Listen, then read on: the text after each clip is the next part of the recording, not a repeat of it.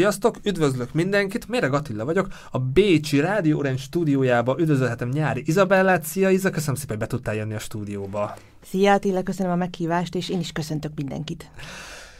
Online már volt szerencsém egy tolmácshoz, és nagyon örülök, hogy most már személyesen beszélünk, és majd fogunk szerintem majd beszélni, hogy milyen online tolmácsolni, és majd lesz is majd bevágás az online tolmácsolásról, meg, meg milyen offline tolmácsolni. De ez a jelen, menjünk vissza a múltba, azért szeretek azért a gyökeréig leásni a dolgoknak, hogy téged a német nyelv, az olasz nyelv, vagy maga a nyelv, az hogy talált meg, hogy honnan, hogyan tudtad meg így saját magadról, hogy igen, ez lesz a te szakmád, a te pályafutásod, mert azért ezzel valamikor ki kellett kristályosodni, hogy igen, én ezzel akarok nagyon-nagyon foglalkozni. Fú, hát viszonylag korán egyébként szerintem a, a sorstársaimhoz vagy a kollégáimhoz képest. Igazániból nekem az anyukám már nagyon-nagyon pici koromban, tehát ilyen pici babakoromban megvan annak a, a bizonyítéka, hogy ő csinált nekem egy ilyen német nyelvű szótárat. Anyukát tehet minden. És, és anyukám a bűnös, igen, ő a ludas, most innen is üzenem neki, hogy köszi.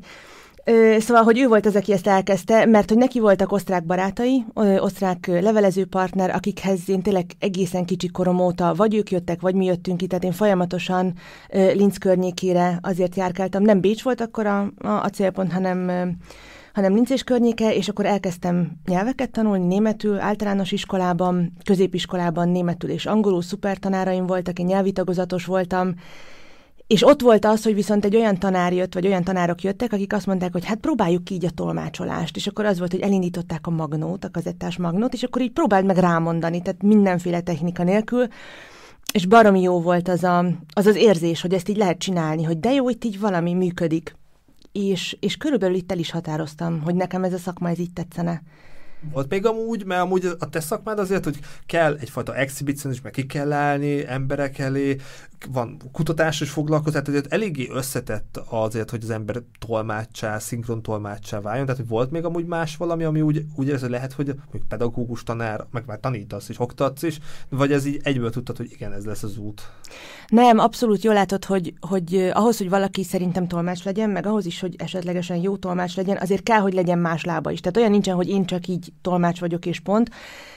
Én végeztem tehát egyetemi tanulmányokat is annak érdekében, hogy egy picit így bővebb legyen ez, a, ez az eszköztár. Én a, azon kívül, hogy nyelvszakos voltam a Bécsi Egyetemen, tehát tolmács és fordító szakos voltam magyar-német-olasz nyelvekkel, én közben ilyen mellékpályán elvégeztem a Corvinus Egyetemen a nemzetközi tanulmányokat ami, ami egy ilyen hibrid szak volt, vagy valószínűleg a mai napig az, ahol nagyon sok töri van, szociológia, politika, tehát politológiát hallgattunk, közgáznak az alapjai, statisztika, ilyen nagyon basic dolgok, de hogy, hogy az adott ezért egy olyan alapot, hogy ha esetleg valami más irány lenne, vagy esetleg mondjuk szakfordítóként vagy tolmácsként olyan konferenciára kerülök, ahol jó, hogyha egy értem is esetleg, hogy miről beszélek, akkor ne álljak ott.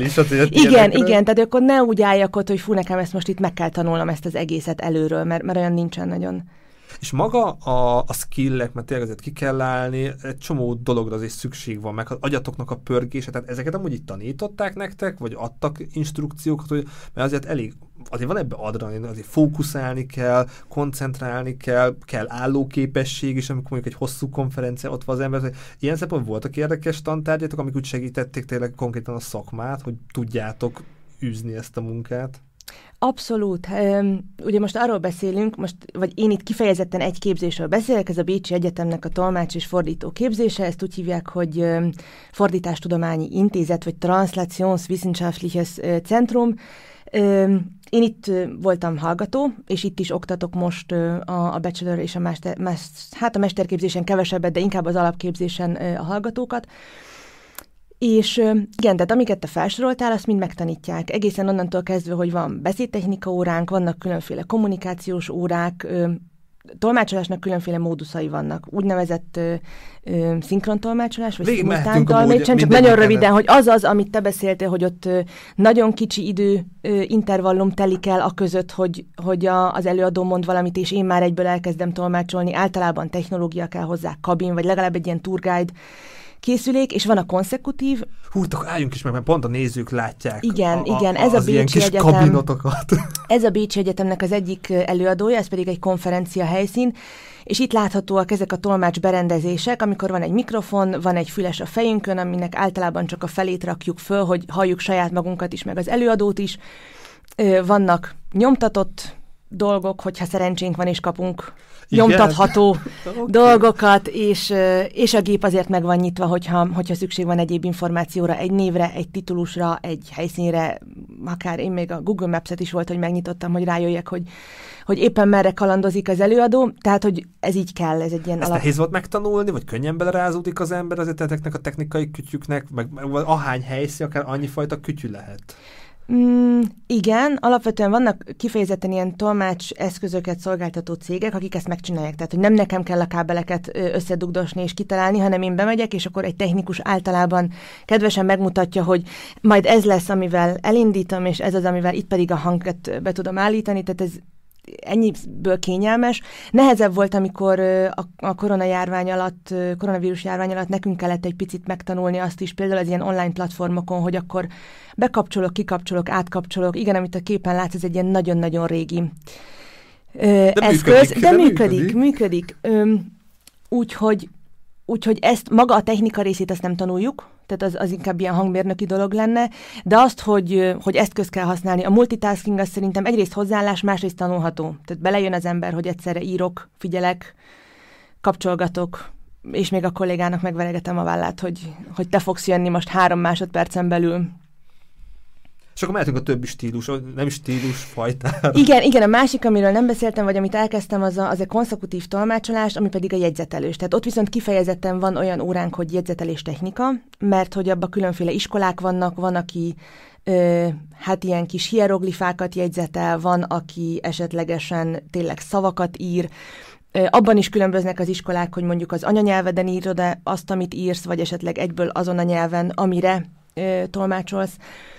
Úgyhogy Itt amúgy ezt hogy kell elképzelni, hogy te például ilyen hi- hireografia, hm, tehát ilyen jeleket csinálsz, rövidítések vannak, tehát hogy vannak ilyen szakmai kis fogások, amiket így használsz, mert tényleg ott azért elég gyorsan történik a dolgok, például most is, amit látnak a nézők. Igen, ö, nekem mindenkinek van egy saját rendszere, amit így kikísérletez, hogy mi működik a legjobban. Mi az, amit én el tudok olvasni, hogyha én azt leírom. Tehát az így az elsődleges, hogy én utána, miután leírtam, mondjuk egy Hát a leghosszabb az ilyen 6-7, de akár 10 perc is lehet, hogy azt még én vissza tudjam utána olvasni érdemben, úgy, hogy, hogy abban benne van minden fontos információ, úgyhogy nekem vegyesen vannak jelek és szavak, és vegyesen vannak a nyelvek is. Tehát, hogy én angolosként nem, dolgo, nem dolgozom, angolos fordítóként, tolmácsként, de van, amit angolul írok le, mert az a legrövidebb.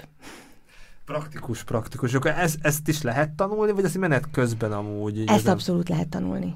Ezt lehet tanulni. Ez nagyon sok gyakorlás. Tehát, hogy ez, ez olyan, hogy úgy képzeld el, hogy amikor én egyetemista voltam, akkor mi azért egy nagyon lelkes tolmács csapat voltunk, akikből hát majdnem mindenki, de azt mondhatom, hogy így 80%-a annak az évfolyamnak tolmácsként dolgozik ma a piacon, vagy Több- Magyarországon. Amúgy körülbelül mivel foglalkoznak? Teljesen mással ez egy Mm? Van, aki elment fordítónak, van, aki elment ö, bármilyen más nyelvi közvetítőnek, nagy céghez, tehát multicéghez is, akár ilyen nyelvi osztályra. Ö, Van, aki műsorvezető lett, például ö, moderátor.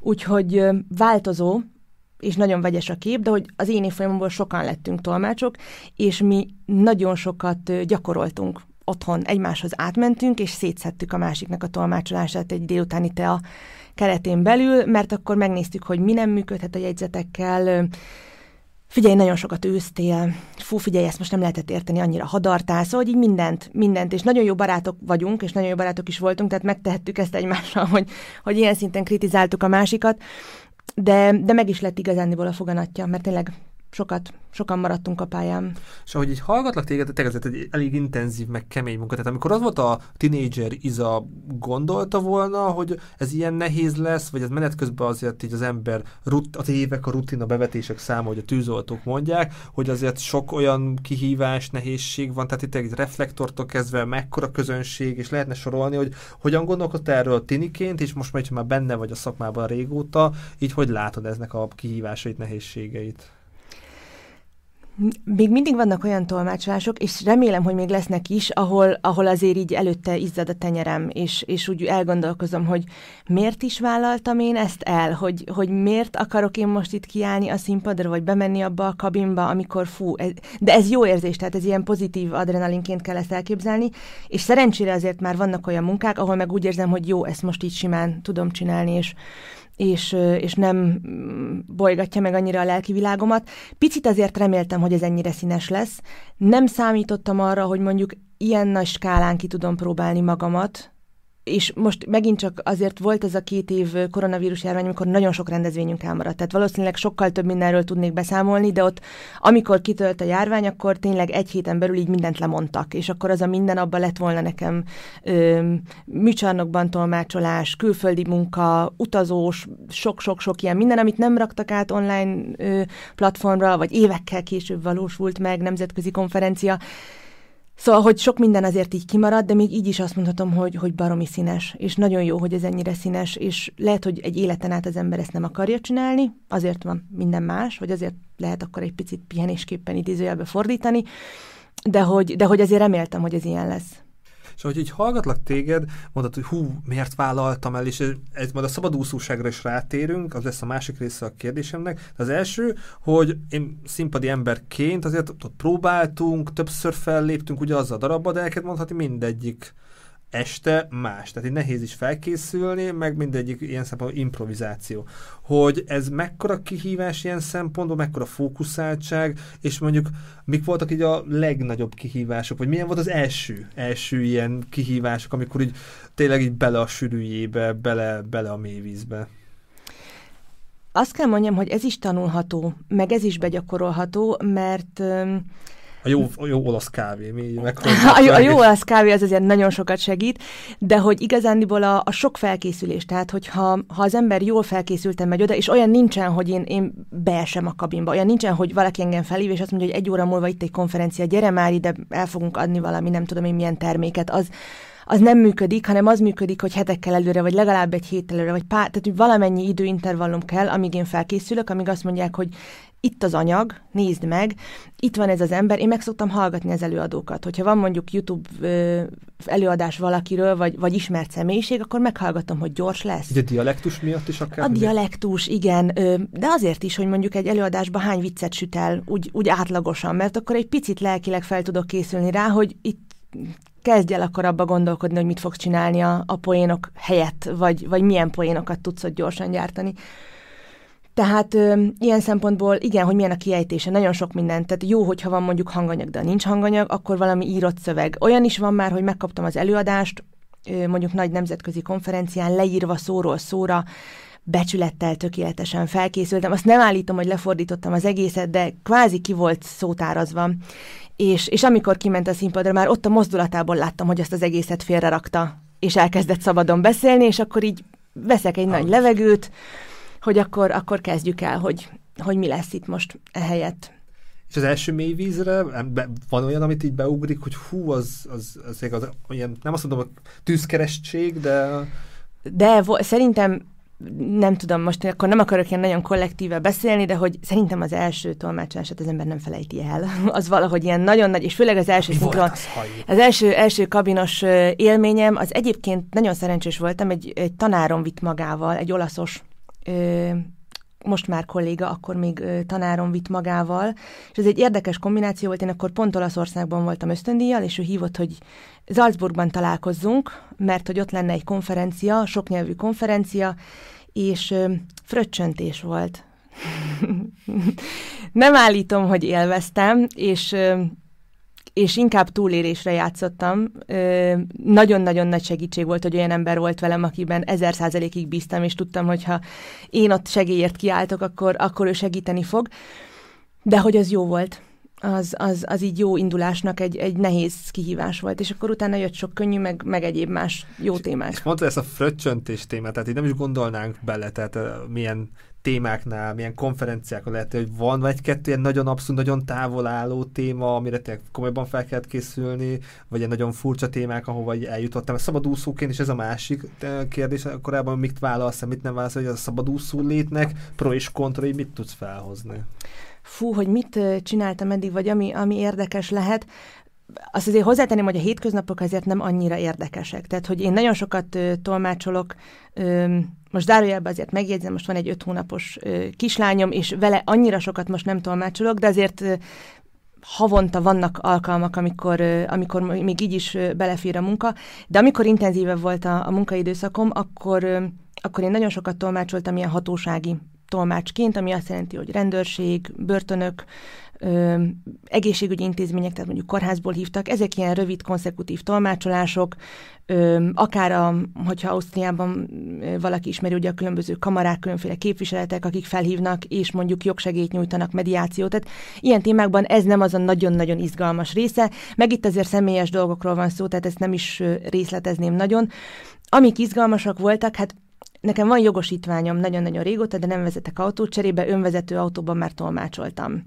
És ez például tök jó ö, élmény jó volt, pofa. hogy én, én aki, aki viszonylag messze állok attól, azért ott végig kellett magyaráznom, hogy ugyanígy tolmácsoltam elektromotor gyárban, és mentünk végig, hogy akkor hogyan is készül az elektromotor, és ott belül kuncogtam, hogy hát ez tőlem egyébként baromira távol áll, de szakmailag meg meg lehet csinálni.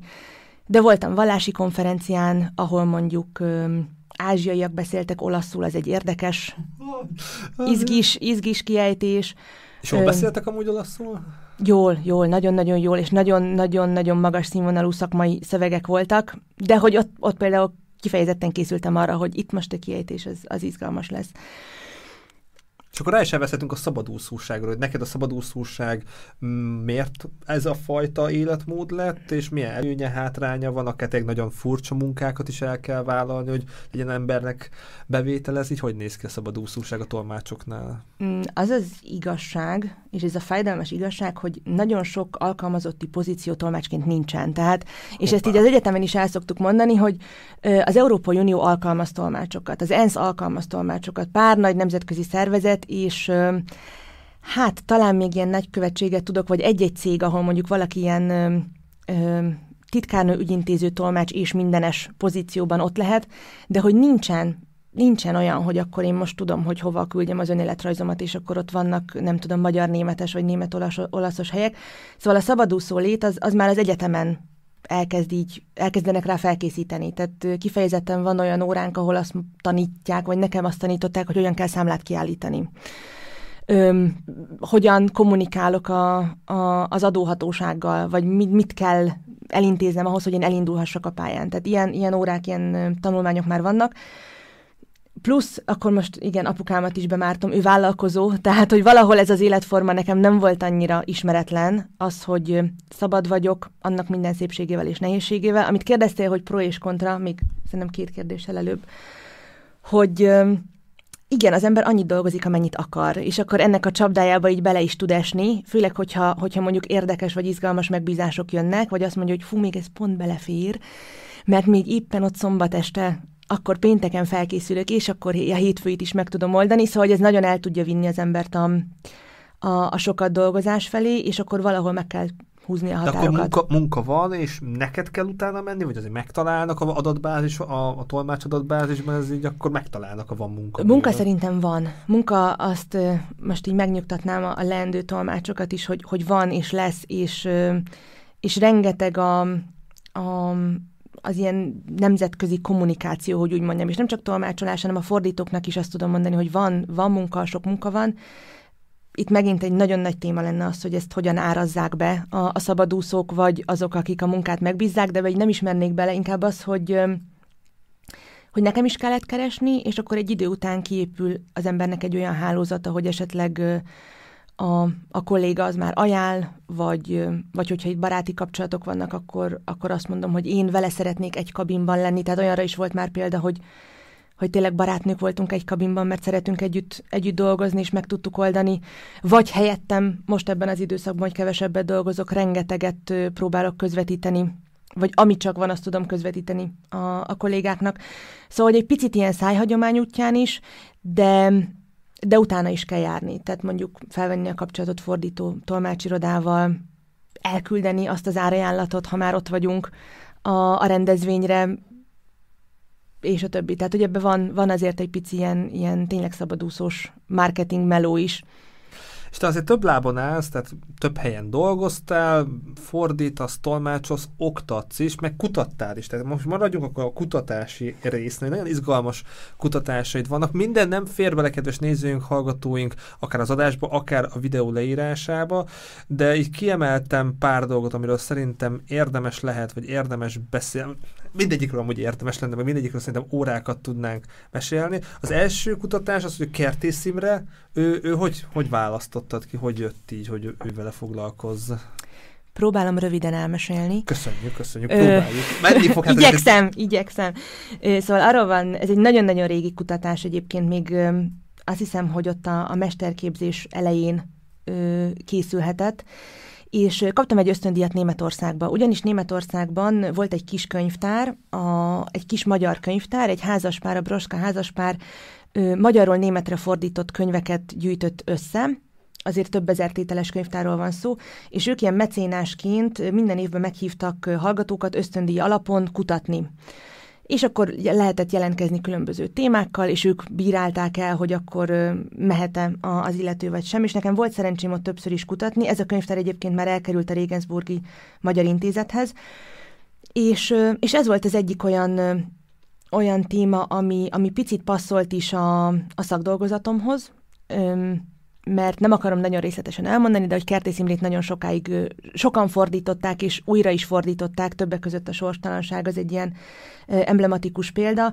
aminek a második fordítása sokkal-sokkal híresebb lett, mint az első, ami kijött német nyelven, és akkor hamarosan rá megkapta a Nobel-díjat Kertész Imre, és akkor pedig elindult egy ilyen özönvíz, és elkezdték tényleg rengeteg nyelvre, a mai napig ő a legtöbb nyelvre lefordított magyar szerzőnk, és, és ez egy ilyen érdekes esettanulmány volt, hogy hát hogy lehet az, hogy egyrészt németül egy picit előbb lett híres, mint magyarul, és hogy, hogy mi történt ott, hogy hogy lehet az, hogy kétszer megjelenik egy regény németül, és akkor a második az tényleg ilyen felkavaróan nagy ö, siker lesz, az elsőt pedig, mint hogyha senki sem olvasta volna. És akkor erről készült ez, a, ez az esettanulmány, ami beépült a, a, a szakdolgozatomba később. És akkor ennek kapcsán jutottam ki sokszor még Németországban ö, kutatni ez a házaspárhoz, meg oda a környékre. Mi volt még a másik kutatásod, ami miatt még Németországba ment? Szerintem még azt is még megemlíthetjük, vagy több, több kutatás miatt voltál Németországban? Ö, igen, az a helyzet, hogy amikor még én diplomáztam itt a mesterképzésben, akkor még nem létezett az a szak, ami ma létezik a Bécsi Egyetemen, ma ezt már translaciónak hívják, és egybe van a fordítás és tolmácsolás, ilyen modulokat kell választani. Nekem annak külön kellett a fordítást és a tolmácsolást végighallgatnom, és két szakdolgozatot kellett írnom. Ennek értelmében az két kutatómunka volt, két különböző kutatómunka, de mind a kettő ugye a szocializmus időszakával foglalkozott, és ennek kapcsán voltam Hát voltam konferenciákon is, több helyen, egészen Afrikáig eljutottam egyébként, az, az egy nagyon izgalmas konferencia volt, de kutatni Lipcsébe voltam még egy pár hónapot. És nemrég voltál Romániában, ott a, a mindjárt a Bábes Bóvé Tudományegyetem felkérése volt október 14-én, hogy arról mit lehet elmondani? Igen, az, a szerencsét lenségemre nem voltam ott, ez egy hibrid rendezvény ja. volt, tehát otthonról, igen, az egy, a konferencián részt vettem, de sajnos nem jutottam el ö, Kolozsvára, a szintén az egyetem tanszékének azt hiszem egy évfordulóját ünneplő konferencia volt, és különböző témakörökben lehetett. Ilyenkor úgy néz ki, amikor egy-egy konferenciára pályázunk, hogy hát meglátjuk, hogy mikor van a konferencia, és akkor van egy határidő, amíg az ember elküldi az abstractjét. És akkor megnézzük, hogy egyáltalán van-e valami küldhető anyag, és nekem most volt, mert, mert itt is a fordítás történettel is foglalkozott a, a konferencia, ami nekem most a doktori kutatásomnak a témája, és akkor elküldtem a, a rövid vázlatot, hogy miről adnék elő, ők elfogadták, és, és egy nagyon érdekes, nagyon sokszínű konferencia volt, főleg attól, hogy, hogy ez egy ilyen hibrid rendezvény, tényleg a világ minden pontjáról ilyenkor bejelentkeznek. És amúgy rengeteg konferencián vettél részt, küldtél is képet, hogy például a, a, a madácsnak, akár még er, erről is beszélt, ez is érdekes lehet, hogy a madács hogy került konferencia témának hozzád. Igen, ez egy ez egy nagyon jó alkalom volt, ez egy, ez egy idei rendezvény, aminek most itt a plakátját mutatod. A, a Bécsi Kollégium Hungarikumban volt egy előadás, szintén a, a fordítástudomány, ö, magyart fordítók, magyart, magyarul németre fordítóknak igazániból a történetét kutatom én. Tehát ez egy nagyon érdekes kérdés, hogy a szövegeket nagyon sokáig elemzi az ember, és az egész fordítástudomány az, az évtizedekig abból állt, hogy a fordított szövegeket elemeztük, hogy ez most jó lett, vagy rossz lett, vagy hülye, vagy nagyon sok ilyen kategóriát sorolhatnék, hogy mi minden alapján lehet egy szöveget elemezni, de hogy nagyon sokszor a fordítók elvesztek a szövegek mögül. Tehát, hogy ki fordította le azt a művet, és hogy jutott elő oda, hogy esetlegesen, igen, az ember tragédiáját lefordítsa, vagy babicsot fordítson, vagy nők voltak, vagy férfiak, vagy pénzt kerestek vele, vagy egyáltalán bölcsészek voltak, mert van, amikor kiderül, hogy egyébként a vegyészmérnök fordította le azt az adi verset, és vagy az a jegyző fordította az adi kötetet, és hogy,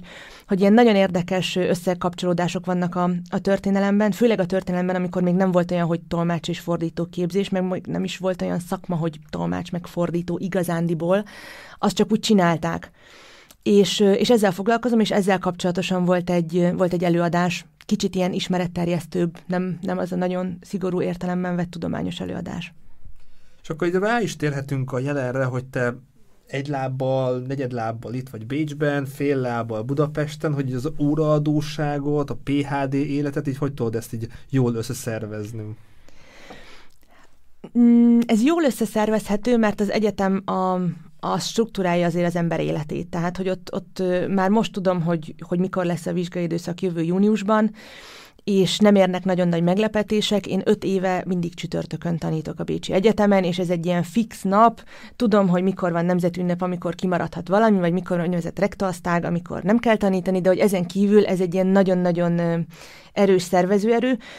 És akkor a PHD-t azt meg az ember egyedül csinálja, hogy ez egy ilyen nagyon sajnálatos dolog, hogy ott úgy egyedül ülünk a könyvtárban, meg a levéltárban, meg a témavezetőmmel e-mailezgetek, meg találkozgatunk, de hogy ott azért magára, legalábbis itt a Bécsi rendszerben magára van utalva a, az ember. Ennek előnye lehet az, hogy tényleg én osztom be azt, hogy milyen tempóval haladok, és mivel elég sok lábon álltam, állok, ezért én nem főállásban doktoráltam, tehát nem az van, hogy tényleg minden nap megpróbálok minden nap foglalkozni vele, de nem mindig jött össze.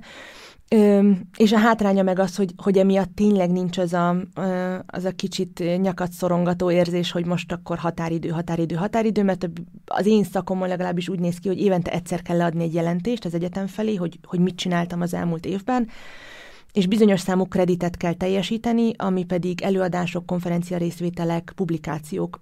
És hogyha ezt kipipáltad idézőjelben, akkor már csak meg kell írnod a diszertációdat. Már csak. És, és ez így tényleg, nem tudom én, 5-től 10 évig bármeddig tarthat ez a csak időszak. És hogy látod, amúgy látod a fényt az alagút végén? Egy picit igen. Egy picit igen. Öm, én nagyon sokat kutattam az elmúlt évben Bécsben. Meg... Rengeteget kutattam, nem csak Bécsben. Ahol Rengeteget, tehát hogy tényleg igyekszem azért sokat kutatni, de most kifejezetten volt kétszer egy-egy hónap, amikor ösztöndíjjal Ausztriában így minden nap levéltárban voltam, és minden nap könyvtárban voltam, és régi levelezéseket olvastam át, fordítói anyagokat, nagyon kevés ami kutatható, de, de az viszont baromira érdekes, amit, amit mondjuk egy, egy könyvkiadó eltett vagy megőrzött abból, amit a, a fordítójóval kommunikál, tehát ezeket én most így átolvastam, rendszereztem, ott van minden, idézőjelben már csak meg kéne írni, de ez a csak, ez megint csak ilyen idézőjeles csak. Értelek, és amúgy pont kiukadtunk a Zahor alapítványhoz, ahol te pro bono bedolgozom már régóta, segíted a, az alapítvány munkáját, hogy az így hogy fér bele, és miről is szól ez a munkád náluk? Igen, ez egy ezer éves ö, együttműködés. Te mondtad, nem én. ez, ez nagyon-nagyon-nagyon régről indul. Még középiskolás koromban kezdtem el, akkor lettem öm, ilyen önkéntes idegenvezető a Budapesti Zsidó negyedben. Ez úgy nézett ki, hogy volt egy képzésünk pár alkalommal, öm, elmeséltek öm, nagyon sok szempontból a zsidó negyedről dolgokat, tehát mesélt nekünk ott rabbi, volt szociológus, építésznek az előadása, iszonyatosan érdekes volt a felkészülés is, és hát tizen sok évig vezettem csoportokat ott a, ott a negyedben, több nyelven, tehát hogyha jöttek külföldi diákcsoportok, ez azért érdekes, mert ez ingyenes program a diákok számára Magyarországon, és emiatt mi is önkéntesen csináltuk a, a vezetéseket, és az ennek az egyik mellékterméke lett idézőjelben egy könyv, aminek a társszerzője is vagyok. Mm, ez úgy társszerzőség, hogy hogy az önkéntes vezetők mi írtuk a szövegeket, és akkor volt egy szerkesztő, vagyis két szerkesztő volt annó, akik ezt gatyába rázták és egy picit egységesítették, de a képeket mi készítettük, az információt mi gyűjtöttük, tehát az utolsó cipész műhelye, ha van benne interjú, akkor azt mi, mi csináltuk, és mi néztünk utána, és akkor ez megjelent magyar nyelven, azt hiszem két kiadásban is, megérte a második kiadást is, és angolul. Gratulálok, és ez tényleg tök szép, hogy ezt így pro bono bevállaltad, és ezzel foglalkoztál, és erre is volt időd, energiát, tehát azért ez így össze, összefésülni, és az időmenedzsment szerintem ez érdekes, meg fontos lehet akár leendő tolmácsoknak, hogy ez mennyire nehéz, mennyire kihívás így jól összepakolni, vagy a Covid alatt is mennyire volt nehéz így az online konferenciákon részt venni, hogy ez, ez neked mennyire vagy ügyesebben, hogy így mindenhova odaérsz? Én igen, én nagyon pontos vagyok, szóval hogy ez nekem fontos egyébként így az életben, de... Ide is pontos vagy jötték. És ide is van, igen, nekem, nekem ez fontos. Öm, meg szerintem egyébként szakmailag is, hogyha valaki tolmács, akkor legalább neki nem az, hogy pontosan, de egy 10 perccel korábban ott kell lennie és nem amikor már a rendezvény, amikor már a színpadon állnak, akkor megérkezik a tolmács is, de ilyen azért relatíve ritkán fordul elő, vagy én még nem láttam. Igazándiból a szabadúszóság az ad egy hatalmas nagy szabadságot, de, de valahol ez nem kell, hogy, hogy ilyen rendszertelenség legyen. Tehát, hogy nem azt mondom, hogy fúra tervezhető az egész mindig, de mondjuk egy-egy hónapra előre látom, hogy, hogy melyik az a hónap, ami mondjuk húzósabb, vagy tudja az ember, hogy mondjuk a, van egy őszi konferencia szezon, meg van egy tavaszi konferencia szezon. Nagyon ritka, hogy augusztusban konferenciát szervezzen bárki, akkor úgy tudja az ember, hogy ott nagyon nincsen munkám, akkor fordítást kéne találni, vagy ugye az egyetemnél tudom, hogy meddig tart a szemeszter, meddig tart az őszi meg a tavaszi fél év, Ö, ott is megvan az, hogy akkor, akkor én csütörtökön nem megyek el konferenciára, mert tudom, hogy az a tanítós napom. Szóval ebből a szempontból szerintem ez részben tervezhető, én, én azért szeretek tervezni, de szeretem azt a szabadságot, amit a szabadúszóság ad, amiben benne van az, hogy, hogy vannak napok, amikor nem dolgozok, hogy vannak hetek, amikor csak utazunk, mert tudom, hogy ott most össze tudom úgy rakni, hogy, hogy ne legyen benne program.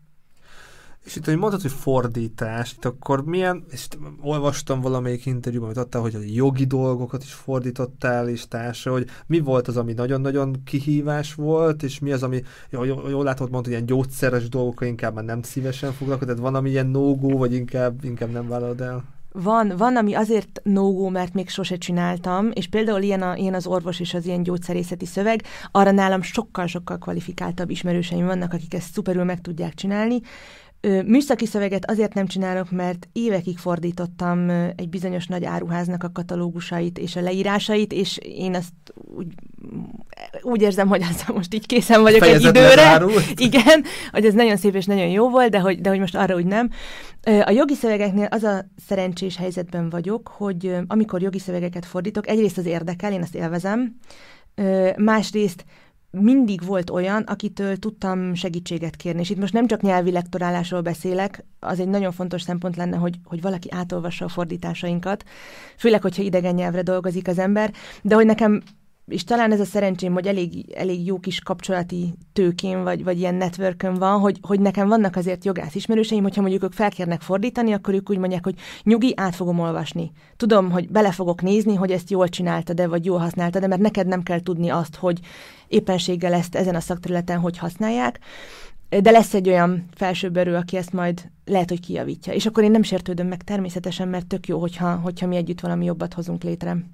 Hát ezért biztos voltak extrém nehéz dolgok, amiket fordított kellett, meg extrém nehéz szituációk is. Tehát itt, amiket küldtél, meg találtam róla, például itt volt ez a hibrid konferenc, vagy hibrid tárlatvezetés, hogy ez mennyire volt nehéz kihívás, meg még egy-kettő érdekes szituációt azért említsünk meg, ami úgy kihívás a tolmácsok életében. Igen, ez a hibrid tárlatvezetés, ez egyébként egy nagyon nagy szerelemprojekt, ez a Budapesti Olasz Intézet, ahol én dolgoztam belsős fordítóként, tehát voltam azért alkalmazott, és például én ott alkalmazotti állásban voltam, de amikor itt tolmácsolok, akkor már szabadúszó vagyok, és ez úgy nézett ki, hogy az olasz fotográfus hölgy az becsatlakozott interneten, de közben ott voltak a kamerák az olasz intézetben, akik mutatták a kiállítást, és akkor beszélt a, az igazgató, az olasz intézetnek az igazgatója, a kiállítás kvázi kurátora, és olaszul a hölgy is, ők mindhárman olaszul beszéltek, kivéve az instrukciók, amik néha magyarul jöttek, és akkor én meg úgy rohangáltam néha ott a kamerák között, és, és próbáltam egyeztetni a, a technikusokkal, hogy most látszódjon, vagy ne akarjátok, hogy én is ott legyek, vagy nem, mert ilyenkor mindig kérdés, hogy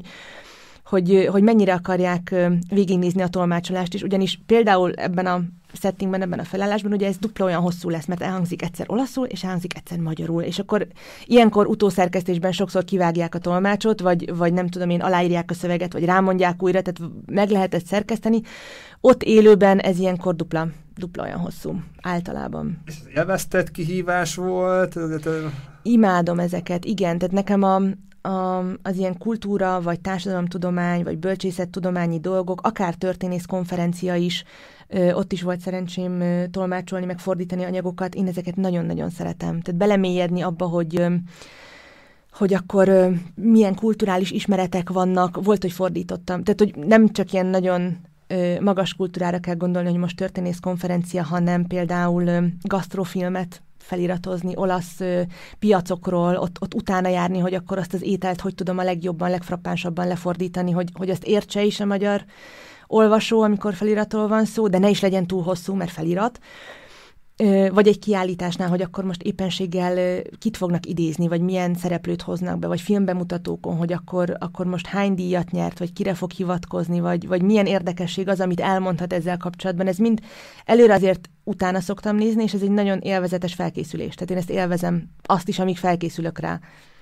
De valami nem lehet felkészülni, tehát ahogy olvasod, te voltál foci meccsen is, meg vadászaton is, tehát azért voltak extrém, vagy furcsa, vagy egyedi szituációk. Igen, az is, hát az, az jó régi történetek, és nagyon szerettem egyébként. De az, igaz történetek. De igaz történetek, bizonyám. Foci tornám egy tényleg egyetemi kolléganőmmel voltam, ő az, aki, aki vitt magával, ő volt akkor a magyaros csapatoknak a tolmácsa, én pedig az olaszos kis foci csapatoknak a tolmácsa voltam.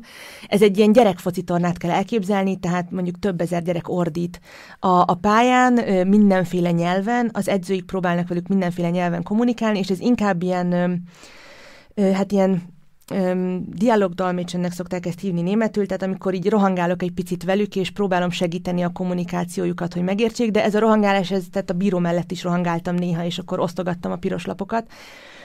És hasonló volt a, a vadászokkal, az olasz vadászokkal, amikor hát akkor fel kell kelni hajnali négykor, és megyünk a, a szántásban, trappolunk, mert ott van szükség éppen a tolmácsolásra, meg az eligazításra, hogy hogy, hogy akkor melyik területen lehet lőni, mire lehet lőni, mire kell odafigyelni. Tehát van egy pici ilyen biztonsági része, például a vadászoknál, nagyon sok gyaloglás, és, egy, és egy kevés ilyen mindenféle egyéb program, vacsorák és találkozók és, és intézkedés.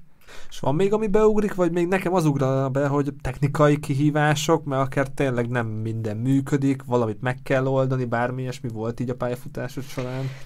azok igazániból mindig vannak, de azt már, azt már úgy nem is nagyon veszük magunkra. Tehát volt olyan, hogy, hogy a konferencián derült ki, hogy mondjuk nem hallani a kimenő hangot, és akkor bekopogtak az ablakon, hogy, hogy minket nem hallgatnak, és akkor gyorsan elszaladni a technikusért intézkedni, hogy, hogy valaki javítsa meg, mert azt nem mi fogjuk ö, megoldani. Ugyanígy online tolmácsolás az, az igazándiból a, a, a szinkrontolmácsoknak a rémáma, amikor többen kell, mert uh, amikor a kabinban egymás mellett ülünk, minimum két tolmács szokott dolgozni, hogyha, hogyha legalábbis egy óránál hosszabb a rendezvény, akkor két ember kell, mert 20 percenként váltjuk egymást, és ott egymásra nézünk, és mutatjuk, hogy pár másodpercen belül én befejezem a mondatot, és te átveszed. Na hát most online tolmácsolásnál ezt vagy cseten írom neki, aminek már van egy kis ö, pár másodperces késése, vagy próbálom előre megbeszélni, hogy én majd ennél a blokknál fogom átadni, de ott azért mindig vannak bakik, és, és ezzel együtt kell élni. Hát meg az élet megy tovább, és akkor mondod az online, online térhódítás, a Covid hozott plusz munkákat, hibrid dolgokat, sok online konferenciát, ez hogy nézett ki nálad? Vagy hogy néz ki akár ámblok az egész szakmánál? Az egész szakma az nagyon megváltozott, szerintem, mert sokkal-sokkal több lett az online rendezvény, és sokkal rosszabb minőségű az online tolmácsolás, mint a, a, az offline tolmácsolás, mert hogy nagyon sokszor igazándiból nem csak a tolmácson múlik, hanem az előadón is. Tehát az előadónak kellene jó mikrofonba beszélnie, az előadónak kellene odafigyelni arra, hogy stabil legyen az internet kapcsolata, az előadónak is. A tolmácsnak pedig ez az alapfelszerelés része, tehát az, hogy mi bevásároltunk jó fülhallgatóval, jó mikrofonnal, kis kamerával, mindenféle biztonsági eszközzel, az, az nekünk az ilyen járulékos dolog volt. Lettek jó konferenciák is szerintem, kibővült egy picit a világ, nekem talán nem is én már a Covid előtt is online tolmácsoltam. Tehát az, az nekem kicsit korábban kezdődött, emiatt az nem ért annyira váratlanul, hogy ezt így hogy kell csinálni, vagy mit kell csinálni. Egyébként pedig rengeteg továbbképzés volt, és, és mindenféle ö, eszköztárat így próbáltak átadni nekünk, akik ezt régebb óta csinálják. Nekem a doktori miatt lett ez nagyon-nagyon jó, mert rengeteg a világ másik végén rendezett konferenciát, azt most vagy hibrid, vagy online-ra tették, tehát tényleg amerikai konferenciákra, nagy egyetemeknek, nagy konferenciára, konferenciáira be lehetett hallgatnom, vagy, vagy akár részt is vehettem, ami azért költséghatékony, mint sem elrepülni, vagy mint sem tényleg van, hogy a Bécsi Egyetem támogatja a doktoranduszoknak a, az utazását. Én olyan konstellációban vagyok, hogy, hogy nem kapok ösztöndíjat az egyetemtől a, a doktorimért, de mondjuk lehetne igényelni egy-egy ilyen részvételre financiális segítséget, de hogyha online van, akkor az még jobb, mert akkor tényleg kényelmesen be tud az ember hallgatózni. És minden más az pedig most ilyen á- visszaalakulóban, vagy, vagy egy picit visszaváltozóban van. Én azt érzem, hogy nagyon sok maradt az online, ami nem feltétlenül baj, de szerencsére azért nagy rendezvények visszakerültek helyszínekre. És a csatornámnak a egyik fő tematikája az utazás, és mondta, hogy a doktorid alatt eljutottál Afrikába, hogy erről mit lehet elmondani, ez amúgy nagyon érdekes, hogy hogy került itt Afrikába? Ráadásul, hogy kerültem Afrikába germanistákkal? Öm, van egy, ez is egy olyan dolog, hogy, hogy doktoranduszként muszáj egy picit elhagynunk az íróasztalt, és kicsit kijönni a levéltárból, és szintén kapcsolatot teremteni, mint tolmácsként, meg fordítóként is, ez azért nem elvetendő dolog.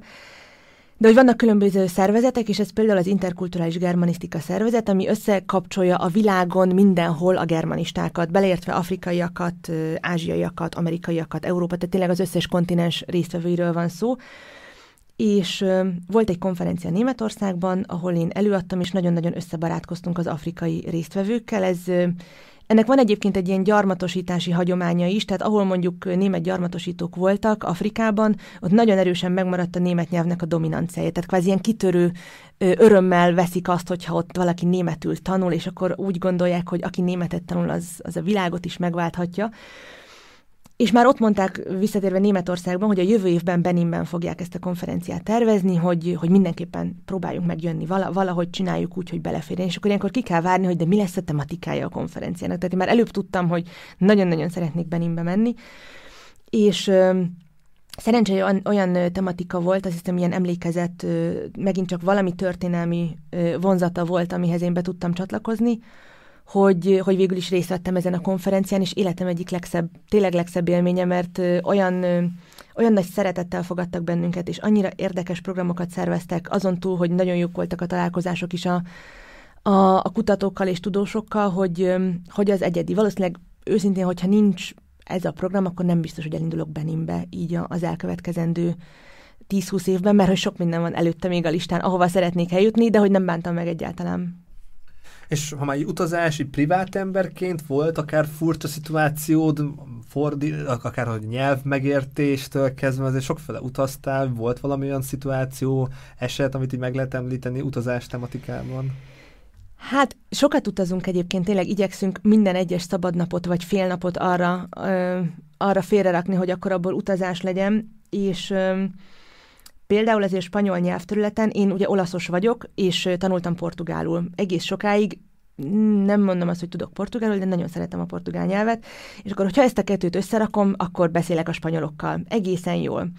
És mi Ecuadorban voltunk Nászuton tavaly, egy egész hosszú utazásra sikeredett, és hát azért ott nagyon sok olyan szituáció volt, amikor senki nem beszélt körülöttünk angolul. A, az én férjem ő, ő angolul tud, meg egy keveset németül, és akkor jövök én a hatalmas hibrid tudásommal, és az a vicces, hogy a mai napig írogatnak, mert azt hiszik, hogy én, hogy én értem őket. Nem állítom, hogy nem értem, de azért nem százszázalékos az, csak így vannak dolgok, amiket úgy el tudtam magyarázni, és ott bőszen tolmácsoltam a, a páromnak, hogy most erről a virágról beszélnek, meg arról a pálmáról.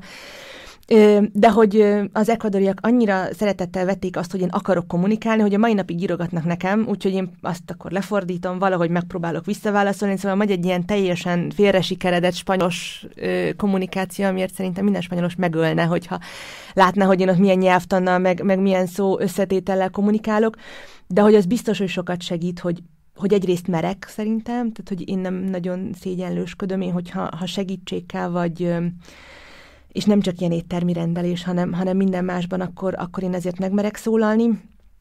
meg hogy előbb vagy utóbb csak találok olyan valakit a világ másik végén is, aki valamelyik nyelvet beszéli, amelyiket én is, és ez nem a magyar szokott lenni, valljuk be, hanem, hanem mondjuk a német, angol, olasz, Hát ezért a olasz is közel van a spanyolhoz ilyen szempontból, tehát valahogy a kis body language, és azért meg... Működik, működik. Tehát ez le van fedve elég nagy része. És ilyen záró gondolatnak így a jelen, jövőt, így hogy látod, PHD, oktatás, kutatás, konferencia ebben, vagy még vannak olyan izgalmas munkák, könyv, bár, amit meg lehet így említeni a jelenetben, vagy akár 2023-ra? Hát, öm, jó lenne, hogyha ilyen nagyon konkrét terveim, tervekkel tudnék itt most előrukkolni, de nem feltétlenül tudok. Öm, az biztos, hogy a, a doktori az az, ami most így a, az anyaság mellett a, a második helyen van, úgyhogy azzal ide, igyekszem sokat foglalkozni, és igyekszem jövőre leadni. Ez valahogy egy ilyen, ö, magamnak is muszáj volt most már egy határidőt szabni, meg azt beszéltük a témavezetőmmel, hogy most már itt az idő, hogy, hogy ebből legyen valami. Ö, amit kívánok magamnak, igen, azért remélem, hogy lesznek még jó kis tolmácsolások, meg, megfordítások. Én mostanában filmeket szoktam feliratozni, ami, ami egy baromira szórakoztató és egy nagyon érdekes ö, munka. Én remélem, hogy még kapok sok jó filmet. És... Az amúgy hogy kell képzelni? Tehát szűkös a határidő, kevés idő van, vagy van elég időre? Általában soha semmire nincsen elég idő a fordítás és tolmácsolás területén. Tehát hogyha valaki, ez most sarkítva mondtam, de általában rövidek a határidők, igen. Tehát, hogy míg én megkapom, meg szoktam kapni a filmet, meg szoktam kapni ö, általában az angol feliratokat. Én olaszról fordítok ö, magyarra ilyenkor, de mivel nemzetközi forgalmazásra szállják ezeket a filmeket, angol felirat szokott hozzá lenni, az egy külön fájl, a timecódokkal, tehát akkor az már ott be van időzítve, nekem nem kell ilyen értelemben a, a, a filmet feliratoznom technikailag, csak le kell fordítanom a, a feliratokat, de hát abban benne van ugye az, hogy megnézzük a filmet, vagy többször megnézzük. Volt abban is, hogy ugye vannak több nyelvű filmek, és akkor kérdezem, hogy fú, lengyeles kolléga van, mert itt most valaki lengyelül szólalt meg, és fogalmam sincsen, hogy ez az-e, aminek hallatszik. Úgyhogy igen, Stressz, azok... Stresszes munkák ezek azért, vagy már rutin miatt azért hamar megvannak? Mm, én én ezt inkább egy ilyen, ilyen jóféle kreatív kihívásnak élem meg, nem stresszesnek. Tehát az volt ebben is tényleg olyan, hogy, hogy sokat filóztam azon például, hogy, hogy mennyire káromkodhat egy fordító. Hát mondjuk nem ugyanúgy káromkodik az ember egy ilyen börtönharcban, amit éppen feliratozik, mint ahogy mondjuk otthon ö, megengedheti magának, de hogy akkor így el kell egy kicsit filózni azon, hogy mi az, ami még olvasható, ö, hogyha mondjuk ugye feliratba kimegy, amit úgy, úgy elbír az ember szeme vagy a közönség, mi a korhatár, és hogy mondjuk tényleg egy, egy 60-as, 50 éve börtönben ülő férfi arcából, aki mondjuk ott a szerepében orbitálisan káromkodik, akkor az, az meddig mehetek el én mint fordító, de ugyanígy volt, hogy mit tudom én, repszövegek voltak a, a, a filmben, vagy nagyon erős dialektus, ugye Olaszországban a, a regionális nyelvek a különböző tartományokban, az, hogy, az, hogy milyen a, a kultúra és a nyelv, az nagyon erősen meghatározza a, az, hogy honnan jön a film, és... Pár film már tudsz így említeni esetleg, amit emlékszel, lehet, hogy nézőknek érdekes lehet, hogy valaki lehet látta is. Hát akkor most megragadom, nem, nem akarok ilyen reklámszagú lenni, de most például van az olasz filmhét Budapesten, és a, a Tíz évvel később című filmet ezt én feliratoztam, ez nagyon érdekes, egy elég nehéz film egyébként. A legszebb éveink az, egy, az egy olasz film, tavaly mutatták be azt hiszem Budapesten az Uránia Filmszínházban, és ez egy nagyon, nagyon szép nagy sikerű film volt. Nagyon ezek ugye nem mennek utána mozikban, vagy nem tudom, hogy az ember megtalálja így felirattal, mert általában a, ami feliratokat én készítek, azt ilyenkor a fesztiválra készítem, a filmfesztiválra, és én úgy tudom, hogy ezek ilyen egyedi ha csak nem veszi meg valamilyen forgalmazó. Ö, forgalmazó, de általában a feliratot nem szokta megvásárolni, ilyenkor újra fordítják, és, és ez nekik olcsóbb, mert már ott vannak a, a, a belső fordítóik. De hogy ilyenkor fesztiválokon például lehet találkozni ezekkel a filmekkel. Nem semmi, nem semmi. És akkor jelenjövő kontextusában még mit lehet akár még megemlíteni veled kapcsolatosan, hogy oktatni szeretnél még folyamatosan? Igen, az oktatás az megy, és ezt nagyon-nagyon szeretem, és remélem, hogy jó sok hallgató lesz a Bécsi Egyetemen. És, Kihívás az oktatás? Ilyen szempontból úgy értem, hogy mondjuk akár hallgatókat találni, akár hogy indulnak-e szakok, és bármi ilyesmi? Mm, most egy picit visszaesett a hallgatószám, de nem csak nálunk, hanem az egész egyetemen. Tehát ez egy ilyen globális jelenség, amivel egy picit számolni kell, vagy meg kell küzdeni valószínűleg ez Sokan a... informatikusnak mennek biztos. Igen. Öm, és főleg az, hogy amikor voltak azért olyan napok, hogy mondjuk fullba végighallgattak, nem tudom, 8 órán keresztül a gépen különféle online órákat, ott azért elment a kedvük, és én ezt tökre megértem, mert azt tanítani is nehéz volt. Tehát amikor hatodjára ültem vissza a géphez, és megint a Zoomban fekete kicsi kockáknak ö, tartottam az előadást ö, közepesen stabil interneten, mert mindenki a házból akkor ugyanígy otthonról dolgozott, Szóval ez nehézkes volt, és ezt próbáljuk most egy picit így visszapumpálni ezeket a számokat. Nagyon-nagyon jó lenne, mert szükség van egyébként nyelvi közvetítőkre, és főleg akik, hogyha itt vannak Ausztriában olyanok, akik már tudnak magyarul, vagy, vagy tudnak más nyelven, mert ugye a, az intézetben 14 nyelven lehet tanulni, különböző nyelvkombinációban, a németet mindig tudni kell, de a többi az azért egy elég színes skála. Szóval, hogy jó lenne, hogyha, hogyha jó sok hallgató lenne, és, és az oktatás az, azt nagyon-nagyon szeretem, a, a doktorit azt meg kéne írni, és akkor a többit pedig eldönti a család, hogy mi fér bele, és mi nem fér bele. Záró gondolatok, ha mondjuk tinédzserek hallgatják az adást, milyen tulajdonság, milyen, milyen tiniknek ajánlod a, ezt a szakmát, ezt a pályát, hogy kik, kik, kiknek a kedvét szeretnéd meghozni ahhoz, hogy fordításra, tolmácsolásra foglalkozzanak?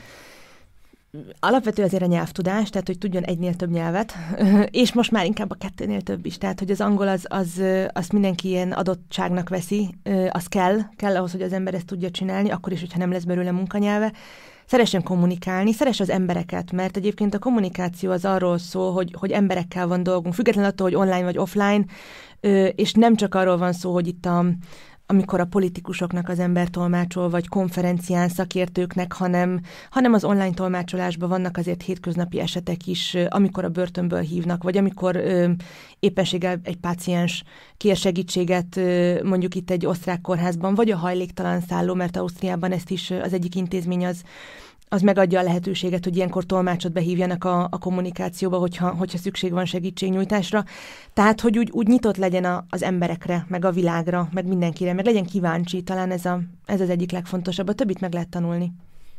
Remek zárszó, reméljük meghoztuk valakiknek, de akár felnőtt fejjel is lehet egy új, szakma, új, szakmát kitanulni, szóval ez akár nem csak a tiniknek szólt ez az záró gondolat.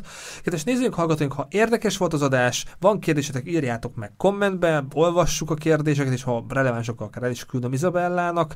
Ha tetszett az adás, nyomjatok egy lájkot, ha hasznos volt, osszátok meg ismerősöitekkel, és legyen szép napotok, vigyázzatok magatokra, köszönöm szépen Nyári Izabellának, köszönöm szépen Iza, hogy itt voltál, figyelem, hogy merre jársz, és további sok jó, érdekes munkát és jó egészséget az egész családnak. Köszönöm szépen! Sziasztok, legyen szép napotok!